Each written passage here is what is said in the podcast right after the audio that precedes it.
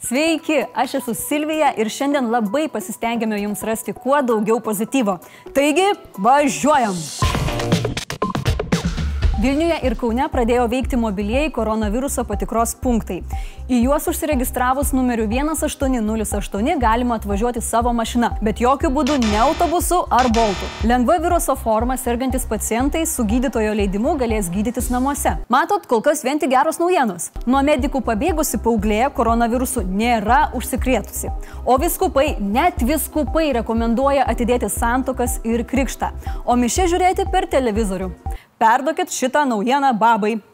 Nes kitaip reikės sekti Italijos pavyzdžių, kuri pratęsė karantiną iki balandžio 3, arba Prancūzijos, kuri planuoja tą patį. Užsienyje įstrigusiems piliečiams skrydis iš Varšuvos organizuojamas rytoj vidurdienį, o iš Londono šeštadienį. Kaip Narkevičius sako, sekit naujienas www.urm.lt.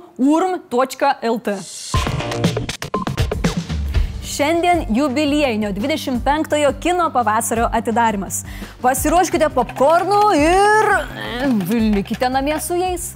Karantino metu uždaryti visi kino teatrai, todėl kino pavasaris keliasi į jūsų namus. Didžiąją dalį programos filmų jau galima išsinuomoti peržiūrai internetu. Yra dar dvi naujienos. Na aišku, viena yra gera, kita bloga. Geroji yra ta, jog atidarimo ceremoniją galės stebėti visi norintys. Bloga, ceremonija bus virtuali ir vyks kino pavasario Facebook paskyroje. Bet kai pagalvoji, jog festivalis galėjo iš vis neįvykti, tai netokia ir bloga.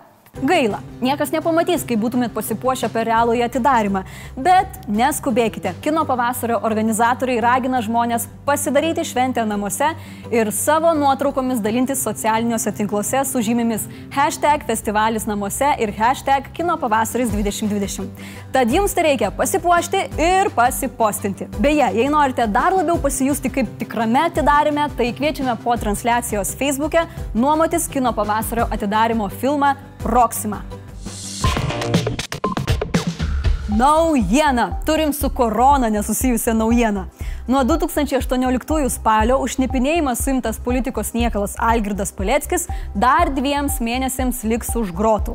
Teismas nusprendė, kad politikas gali bandyti bėgti į Rusiją. Algirdas buvo suimtas, nes pasak prokuratūros kartu su šnipais rinko informaciją Rusijos žvalgybai. Paleckis jau turėjo reikalų su teismais už savų šaudimą į savus. O šis teismas prasidės balandžio 7 dieną ir bus viešas.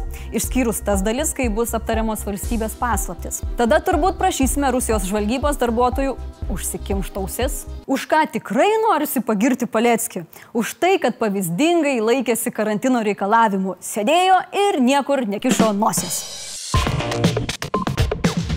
Europos centrinis bankas seka JAV federalinio rezervo pėdomis ir imasi koronavirusų susirgusios ekonomikos gaivinimo. Spausdins naujus pinigus. Pff, nu tu matai? Trečiadienio vakarą banko pirmininkė Kristin Lagarde pranešė apie sprendimą papildyti Europos rinką 750 milijardų eurų. Taip pat užtvirtino, kad darys viską, ką reikia dėl euro stabilumo ir nebus jokių ribų siekiančio tikslo.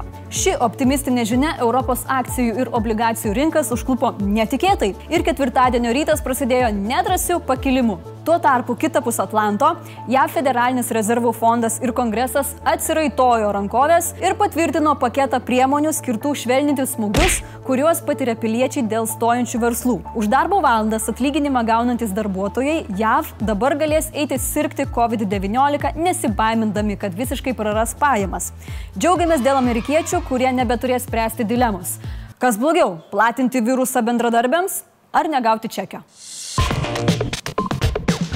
Blitz naujienos. Toksika pranešė sutvarkiusi Alitaus padangų gaisravietę. Ji išvalė beveik 8030 tonų atliekų. Nesusitarus dėl ekonomikos ministro posto, siūloma tris ministerijas jungti į vieną ir sukurti darnios ekonomikos, energetikos ir klimato ministeriją. Huh, nieko naujo. Lietuvių perekūpai seniai virina tris automobilius į vieną ir parduoda kaip ledinį. Sėdi ministro kėdė ir važiuoji. Vilnius per karantiną sutrumpino viešojo transporto darbo laiką. Nuo šiol jis važiuos iki 22 valandos. Tailando ligoninės kovai su koronavirusu pasitelkė robotukus ninzes. Robotukai ne tik matuos temperatūrą, bet ir leis gydytojams su pacientais bendrauti vaizdo ryšiu.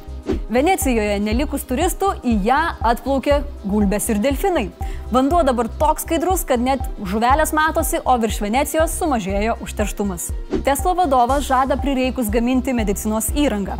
Jeigu dėl koronos pritrūks plaučių ventiliavimo aparatų, padarysim, parašė Elonas Maskas Twitteryje. Karantinas tęsiasi, darželiai uždaryti, mokyklos irgi. Ką daryti su vaikais? Kreipkitės į šį šunį.